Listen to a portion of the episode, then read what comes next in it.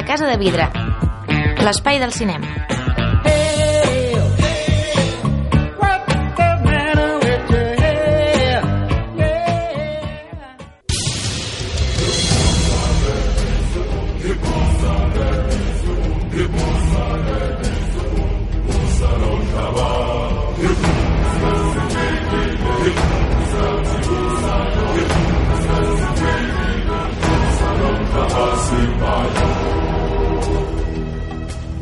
Hola, benvinguts una setmana més a la Casa de Vidre. Això que sona és Hans Zimmer, que és el director, aquí, ai, el compositor a qui li dediquem aquest mes de maig, en aquest primer programa de maig, durant quatre setmanes doncs, sonarà les seves bandes sonores començant i acabant el programa i en aquest cas hem decidit fer la banda sonora en la que va guanyar el seu únic Òscar que va ser Rei León, de moment és el seu únic Òscar aquesta cançó sonava era This is my home i Hans Zimmer que bé, és un dels cracs no? més modern no? i més actuals del cinema de Hollywood actual que eh, això, és, cada any hi ha dues o tres pel·lícules seves com a mínim 11 nominacions en total de moment i aviam si algun dia aconsegueix un segon Òscar eh, ja veurem. En tot cas eh, qui m'acompanya avui és la Marta Bosch què tal Marta? Hola, molt bé, d'aquí imaginant-me el Simba corrent a càmera lenta Que- pel desert mític, eh? Sí, perquè sí, sí. Bueno, jo me l'he vist més de 20 vegades segur aquesta Home, pel·lícula és que és pel·lícula de la nostra generació a més un de- d'aquells punts àlgids de, del, de l'animació de Disney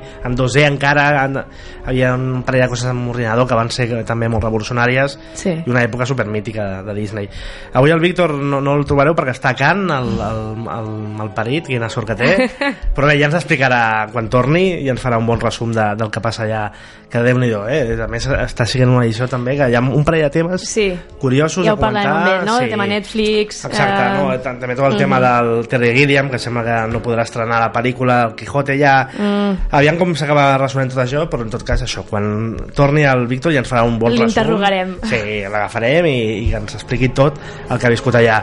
Bé, Marta, la teva secció torna avui, eh, lluita de Sí. personatges. Vols Sí, fer sí. una miqueta d'intro o, o ho deixem al, a la sorpresa dels, dels oients, no? Jo deixaria la sorpresa Vinga. crec que són molt intel·ligents els nostres oients ja ho endevinaran Bé, bé, doncs això, farem avui eh, aquesta lluita de personatges. Sona crítica de la pel·lícula Lucky, amb un gran Harry Dean Stanton, i intentarem acabar, si ens Brutal. matem, amb un repàs de les estrenes de la setmana. Vinga, agafem els bàrtols i comencem. som-hi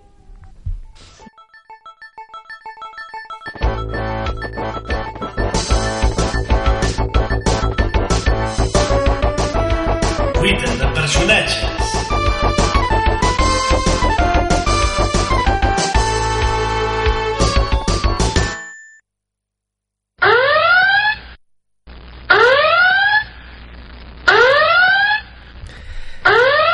Alarma. Eh, està sonant la sirena de spoilers, però aviam, explica'ns. jo soc molt, soc molt benèvola i he posat aquesta spoiler alert però que hauria de ser gegantina perquè és una de les, un dels grans misteris de, de la, del cinema i de fet em, em sap molt de greu que avui si algú encara no ha vist ja sentim els violins de Bernard Mm. Herrmann si algú encara no ha vist Psicosi jo no, bueno, ho sento, em sap molt de greu uh, trencarem que una mica desconnecti l'àudio per... i que, que, que no torni mai més a la Casa Vidre sincerament, si no ho heu vist és, Sí, esteu psicosis. suspesos, em aquesta alçada, aquestes alçades del campionat eh, fora i jo crec que la, la quarantena de spoiler ja, ja, Sí. ja ha passat sí. Perquè mira que fa aquí- dues setmanes vam estar parlant d'Infinity War gairebé Exacte. parlant de spoilers que és molt difícil i aquí que hem passat 60 anys ja Clar, des dels 50, 60, no? doncs 50 sí, uns anys. 50 anys, Eh, calcula.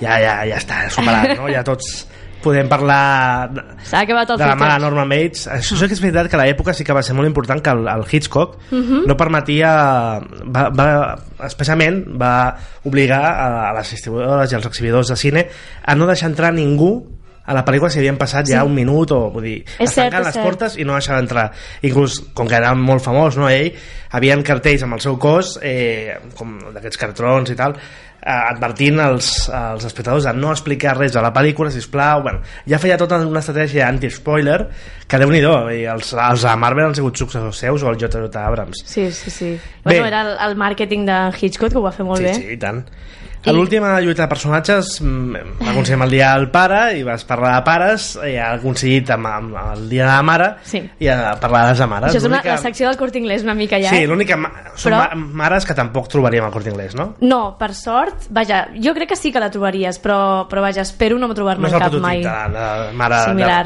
De, que va No. a rebaixes, és més el prototip de la mare... Mare psicòtica, sí, no? parlant de, ja de psicosis, comencem una mica... Comencem, bé, com ja haureu endevinat, una de les mares de les quals parlarem i que és una mare particular perquè és una mare inexistent mm. o diguem que és més aviat espiritual o psicològica la trobem a Psicosi i la, seria la Norma Bates que ma, crec que a la pel·lícula mai es diu el seu nom No, no t'ho sé dir no ho sé, mateix. però Mm, crec que no és està, possible, no sí. està, bueno, està No, no. acreditada com, com Madre, norma, tal, però sí, però va dient madre, sí. però... I l'altra és una gran mare, també terrorífica, avui ens entrem al gènere del terror, eh, i és la Margaret White, la mare de Kerry White, eh, la pel·lícula, òbviament, del Brian De Palma, eh, la del Carri, 76. molt mítica. I bé, volia presentar-vos Mm. una mica a totes dues. Uh, com dèiem, la Norma Bates és un personatge que es construeix en el fora de camp. Eh, per tant, fem... Fem, Fem una- el primer round. round. avançant ja. El primer round aniria el tema de Sí. camps, no? de com, com és cada mare, no? Eh, va, doncs fem el primer round d'aquesta batalla. Round one, fight!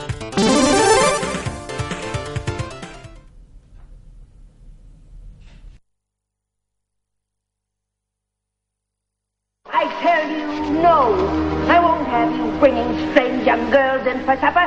By candlelight, I suppose, in the cheap erotic fashion of young men with cheap erotic minds. Mother, please. And then what? After supper, music, whispers. Mother, she's just a stranger. She's hungry and it's raining out. Mother, she's just a stranger. As if man don't desire strangers. As if... Oh, I refuse to speak of disgusting things because they disgust me. You understand, boy? Això que sona és un clip no, de psicosis on Sí. veiem el Norman Bates parlant amb la seva mare.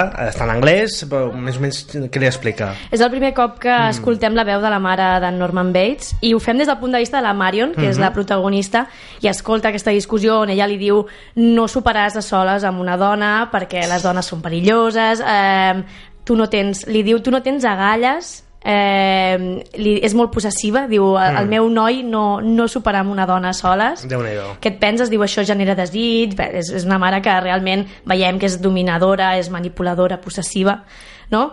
I veiem que també després a una escena a continuació que jo trobo que és una de les més interessants de la pel·lícula eh, Norman i Marion estan xerrant i ell li explica que, que la seva mare està malalta, que és molt dependent i, i que bé, que ell li fa els encàrrecs diguem que, que Mhm. ella no, no pot, no? Clar, per això I- mai la, no la veiem de moment, no? Sempre Clar. és això, el fora del camp, Sí. l'àudio de- o el diàleg de la mare, eh, amb- que ja veiem que no, no està molt bé, no? Aquest, aquest No. noi. No, no, no, exacte. També veiem que, que té, té algunes aficions estranyes, després ja en parlarem Mhm. d'ell. I bé, com és la Margaret White? D'entrada és, és una dona que se'ns presenta com profundament religiosa. Mhm. De fet, escoltem quina és la primera escena de presentació en relació a la seva filla. You're a woman now. Why didn't you tell me, Mama? And God made Eve from the rib of Adam. And Eve was weak and loosed the raven on the world. And the raven was called sin. Say it. The raven Why was didn't you called tell sin. me, Mama? Say it. No. The raven was called sin. Ooh, woman. And the raven was called sin. And first sin was intercourse. First sin was intercourse. El primer pecat, el pecat original, eh? Sí. L'intercourse. La pobra no, no sé noia. ho doblaven, però el coito, no? Potser Sí, deien, o- exacte. Mm. Sí, sí, la, la pobra noia ve a explicar-li que li acaba de venir la regla per primer eh? cop i la dona la colpeja directament a la cara amb una bíblia o amb un llibre que, que es diu... No, amb un llibre que es Mhm. diu Els pecats de les dones. O sigui, imagina't quin tipus de literatura basura que llegeix aquesta Avui dona. és dro- droga dura, eh, això. És droga molt dura, perquè a més la, la mare, eh, jo no Mhm. me'n recordava, la primera escena la presenten com si fos una dona que va de casa en casa estenent la Mhm. seva ideologia, que òbviament veiem que és profundament retrògrada, no? Eh, I a més que, que tortura la seva filla i jo crec que bueno, no és cap secret que Brian De Palma tenia moltes influències, però una de les principals era, Sí. era Hitchcock. Ha sigut el gran deixeble de Hitchcock. I, de fet, ara, ho si tenim l'oportunitat, ho veurem, que la banda sonora de Pino Donaggio, Mhm. que va construir de, de la pel·lícula de Carrie, és un homenatge a, a Bernard Herrmann. Hi ha aquests violins, hi ha el, l'estaccato Sí, que un famós. dels, un dels clips que tenim eh, es pot sentir de ba a baix i si no, en moltes bandes sonores que he seleccionat eh, es va sentint aquests violins eh, que imiten psicosis sí, quan just quan la, la Carrie sobretot fa aquests atacs telequinèquics no? Mm. Sí, podrem sentir. I bé, anem al segon round, que se de centra... moment, quin, quin, quin donem per en aquest round de guanyador? Qui guanya? Segons Per tu? mi, jo crec que d'entrada la, la que és més terrorífica és la mare de la, de la Carrie. Per tant, punt per... Punt per la Carrie, estàs d'acord amb mi? Sí, sí, sí, sí, aviam, al cap i a la fi és, és la que en carn i ossos, no? Veient com a personificació. D'entrada és la més terrorífica. Va, doncs el primer punt per la mare de Carrie. Anem a la segona ronda. Round two, fight!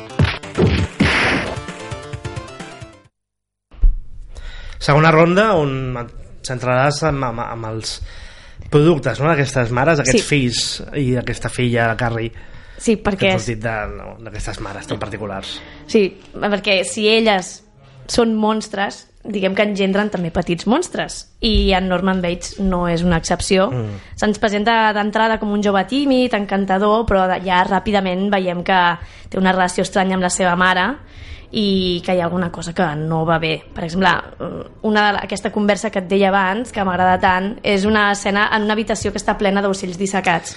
I ell sí, li els diu que és, taxidermistes no, no, no, no, no surten molt ben parats, eh, no, aquesta pel·lícula. diguem que no serien la parella ideal perquè a més és una escena força amenaçadora gràcies a, a Mm. aquests elements no? després veiem que té molts mami issues hi ha algunes frases que fan una mica de por Mm. que diu per exemple un fill és el millor substitut d'un amant Uf, que aquí és com alerta ja, mm, la, la Janet Leigh ja deu dir, Sí. a quin motel m'he posat, eh? exacte hasta luego Eh, o després un altre que diu la millor amiga de tot noi és la seva mare Imagina't. també és una mica Jo conec, eh, gent que Mami té un pare, una, una mare així tipus Hitchcock que dius, cuidao. Sí, sí, sí, sí. Després, aquestes frases, de fet, tindran molt sentit al final del Mm. film, val? Perquè sota un aparent complex de dir el que veiem és que hi ha alguna, algun petit eh, disfunció psicològica en aquest noi que després realment es desencadena, no? Eh, de fet, aquest personatge em feia... És curiós que és molt comú en terror i en, el seu, en la seva antítesi, que és la comèdia. Mhm. no? Per exemple, el director Skinner de, del Simpson també sí, té un està cert... inspirat. En, de fet, hi ha un pla, un, un capítol que, que es, es veu...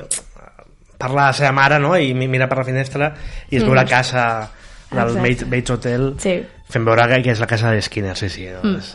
Ja, clar, és un element de paròdia gairebé aquest, eh, aquest eh, Norman Bates, que també ha tingut una sèrie prequela, Bates Hotel, anava furgant no? amb, amb la relació entre mare i fill. Mm. Com explica en aquest clip el, el psiquiatre, eh, que explica molt bé el que pateix aquest Norman Bates. Sí, anem a escoltar. Se disfrazaba. Se ponía incluso una peluca, se paseaba, usaba el sillón de ella, imitaba su voz. Quería ser su madre. ¿Comprende? Y ahora, ahora lo es. Por eso, al empezar, dije que su madre me contó la historia. En cualquier caso en que la mente albergue dos personalidades, surge un conflicto, una batalla. En Norman, señores, la batalla terminó. Aquesta batalla, batalla interna on el Norman vol ser la seva mare. Que aquesta escena a mi realment em sembla, em sembla innecessària perquè és la clàssica explicació, la clàssica escena d'explicació, Mhm. no?, per aquell que s'ha perdut una mica. Bueno, també estem parlant dels 60. Sí, la trobem justificable, però ja crec que jo personalment l'hagués elidit perquè per tractar l'espectador una mica més intel·ligentment.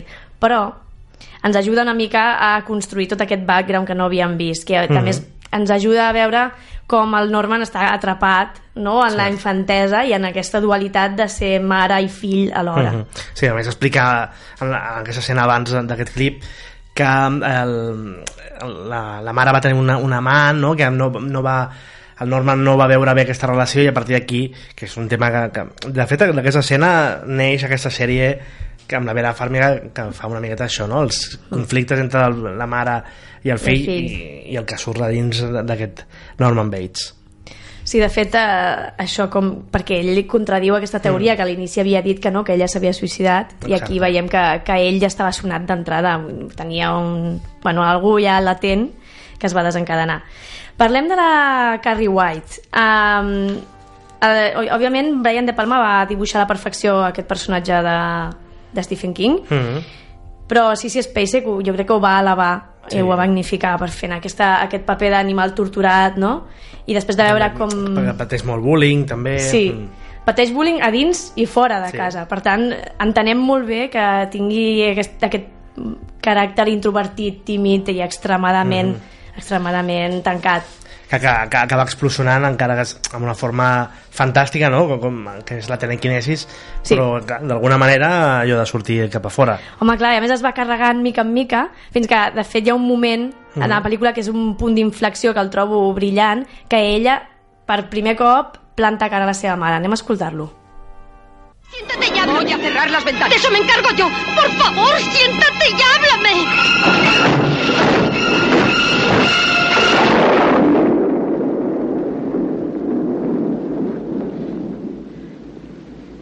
Voy a ir, mamá. Y las cosas empezarán a cambiar aquí. Bruja. Ese es el poder de Satanás. No tiene nada que ver con Satanás, mamá. Soy yo. Yo. Si me concentro lo suficiente, puedo mover cosas. s'encara eh, amb, la, amb la mare m'encanta això de Satanàs té, té una Sí, sí. sonor- aquest doblatge Bruja. increïble Bruja. Sí, sí, a mi m'agrada molt perquè Mm. ella li diu les coses van empezar a canviar Sí. aquí i, és- i tu per dins estàs dient, bien, toma. però, però sí, sí, això òbviament anirà pitjor i tots hem, coneixem el final de Kerry i sabem que aquesta ira al final, malgrat que ella desobeeix a la seva mare aquesta ira serà fatal i jo crec aquí unem al punt en aquest round Qui, quina de les dues mares ha engendrat el pitjor monstre jo crec que en aquest cas guanya el punt, a veure si estàs d'acord amb mi, la de psicosi, sí, va I a més, de, de fet, els uneix una cosa que és que a tots dos fills eh, comparteixen una aparença fràgil, però en el fons són una màquina de matar. Sí, però de fet Per tant- sí que és cert que clar, la Carrie està com més justificat, no? Sí. I en canvi el que sí que neix a la pura maldat És, exacte. Mhm. sí, sí, sí, per tant, és molt més perillosa la mare de, de Norman Per Bates. tant, un a un, aquest empat entre les mares, anem ja cap a la ronda final. Final round fight.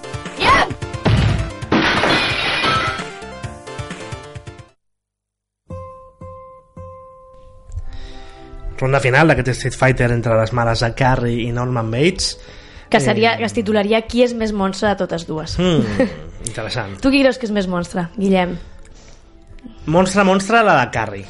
Val. Perquè al cap i a la fi, com que la psicosis no ens la podem ens la imaginem, no, no, no la coneixem realment Però no, no és més, en, més esfereïdor encara, que no te la imaginis, llavors no saps quin poder ha, ha causat en aquest noi per acabar ja. així clar, de fins a quin tarat. punt el noi ja era tarat, saps? Sí, també. Mm. També, de fet, és un punt molt interessant perquè molts crítics han analitzat de manera freudiana fins i tot, no? Sí, la pel·li de psicosi, i perquè, Hitchcock òbviament, molt. sí. I, I, de fet, Hitchcock tenia una patologia psicològica Mm. severa amb la, amb la seva mare. De fet, fins que la seva mare no va morir el 1942, eh, ell no va, no va poder començar a, plan, a plasmar aquests, aquests espors a les seves pel·lícules, Sí. no? perquè ho veiem, eh, veiem mares dominants com aquestes en pel·lícules com Encadenados, Extraños en un tren, vull dir, con la muerte en los talones. sí, sí. Ell de, de debò tenia un trauma... molt, molt catòlic, ell és anglès, però tot i així no, no és protestant com, com la majoria d'anglesos, sinó catòlic, Mhm. i aquest caràcter eh, de la, no, del càstig, de, del pecat, de... mm, Sí, de molt- com, com una mare dominadora pot fer pot portar la bogeria Mm. dels seus fills, no? que sobretot això és el que, el que mostra, mostra psicosi. Mhm. De fet, Alfred Hitchcock va dir la manera de desfer-me de les meves pors és fer pel·lícules sobre ells. Mm, sobre molt ells. interessant, sí, sí. O sigui que aquí ho deixem. Jo crec que, que hi, ha una, hi ha una personalitat latent que podria ser molt, peri molt perillosa. En el cas de Margaret White, també és una mare castradora. Sí. No? En el cas de tots dos, de fet, eh, tots tenen, les dues tenen un punt en comú i és que no deixen evolucionar els seus fills, els, que els, diguem, els Sí, castiguen els- en un mm. estadi permanent d'infantesa no? i ella de fet no, no la deixa anar al, el ball de final de curs, perquè li diu que, que després de la sang els nois el que volen és intercurs, no? Escol- cop. escoltem el, el clip, que és molt bo. Los chicos, sí, los chicos. Después de la sangre vienen los chicos, como perros en celo, sonrientes con la boca babeante, olfateando el olor de la hembra, buscando el olor, el olor. Escúchase a dónde llevan a las chicas en sus coches, yo lo he visto. No irás a esa fiesta. És que m'encanta, m'encanta Paper Laure. Ella lo ha visto. Aquest doblatge tan dels 70s. Los chicos, los chicos. Los chicos. En fi, uh, Qui, bé, això, quina és la pitjor mare en aquest sentit? Perquè avui premiem una mala dura, una mala madre, diguéssim, no, mira, com, com el de fer la 111. per mi, uh, jo crec que el vot, a veure si estàs d'acord amb mi, va per la de psicosi. Vale, Però estic perquè allò que no, podem veure és encara més esfereïdor. Mm. Però vaja, si no... No, sí, sí, sí, podem trobo bé, ho desempatar, eh? Ho trobo bé. Per tant, eh, Norma Bates, no? la mare de Norman Bates, Mhm. és la mare mare de- d'aquesta Del lluita de 2018, personatges de de Batman. de. Des d'aquí el nostre amor a la resta de mares que són normals. No, no cal extrapolar, no? Però, déu nhi sí, són dos mares tremendes amb dos, de dos grans pel·lícules que, que bé, aquesta lluita ha, donat és de les lluites més empatades que, que recordo, eh? sincerament I més Bé, terrorífiques. què et sembla si ara canviem de, Sí, per favor. de, de terç, canviem de to, pensarem a la zona crítica i amb aquesta magnífica Lucky.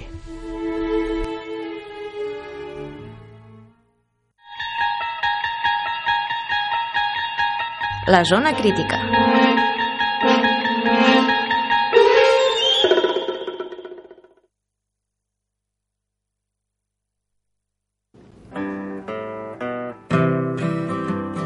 In twilight glow I see her.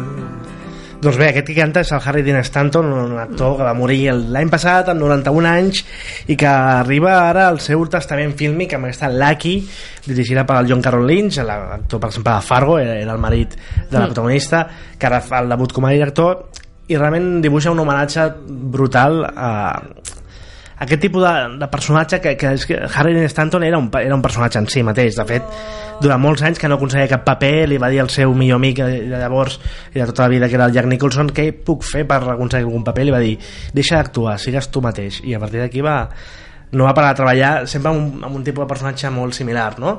i en aquest cas aquest Lucky agafa l'esperit del, del el personatge prototípic de Harry Stanton i ens dona un home de 90 anys que viu sol, però ell s'ho munta bé, diguéssim, fa les seves coses cada dia, fa el ioga, se'n va a comprar, va al, es passa els dies al diner, al, les nits a la taverna amb els seus amics, i un dia se n'adona no, que morirà. També es- està bé donar-se en compte als 90 anys això, dius, ostres... Però sí, sí, llavors aquí comença no, una, un diàleg entre si mateix i la resta de personatges que l'envolten a través de, al voltant de què hi ha quan et mors o quin és el sentit de la vida. Tu què t'ha semblat, Marta? Jo crec que tot aquest diàleg és Mm. al voltant sobretot de, de l'acceptació Mm -hmm. i de fet eh, quan estava veient el concurs aquell que diu la paraula és realisme Sí. eh, és una clocada d'ull perquè crec, crec que ell li està dient que has d'acceptar la mort i, i acceptar que aquesta és la realitat per tant, és, per mi és un, és un conte preciós de, de com Mm. una persona accepta el seu destí no? Sí, a Que més, és- sí, és, és la l'acceptació d'aquesta... Primer una por, no? I després de dir, bueno, al final tampoc eh, serveix molt tenir aquesta por o plantar certes, coses perquè al cap i a la fi hem de passar els dies mai sabem, sabrem del tot no? què hi ha després però més val fer un somriure i, i passar com puguis els dies una pel·lícula que per, jo sobretot per, més, més enllà de Harry Stanton que és que és un goig veure'l no? Sí. era tan particular eh, el, la pel·lícula com la treballa el, el director una, apostant per una senzillesa absoluta Sí, és un que, de tan senzilla que és la pel·lícula resulta magnífica no? és realment eh, xapó en aquest sentit té pocs, pocs elements però mm, molt ben portats i que eleven la, la magnitud de la, de la història aquesta Lucky jo li poso un 8 i mig Jo també li posaria un 8 i mig, eh? Doncs bé. M'ha arribat molt al cor, la. El, el sí, és pla que és final, això, és que una, mira sí, càmera és i una somriu. pel·lícula que t'arriba al cor tal qual Sí. Tanquem a dir-vos que bé, hi ha estrenes com Mi família al norte o Sherlock Gnomes, eh, estrenes molt familiars, tampoc una gran superestrena, eh, comentarem més eh, i millor a les, les següents setmanes que arriben amb, amb estrenes potents. Us deixem amb Hans Zimmer i la banda sonora de mm, Rainman que Ra- Rainman era Hans Zimmer sempre que la veig dic, ostres, Sí. Hans Zimmer moltes gràcies Marta, fins Gràcies aviat a tu, sí. ens trobem avi- aviat aquí a Sanster Ràdio i a casavidra.com adeu Adeu.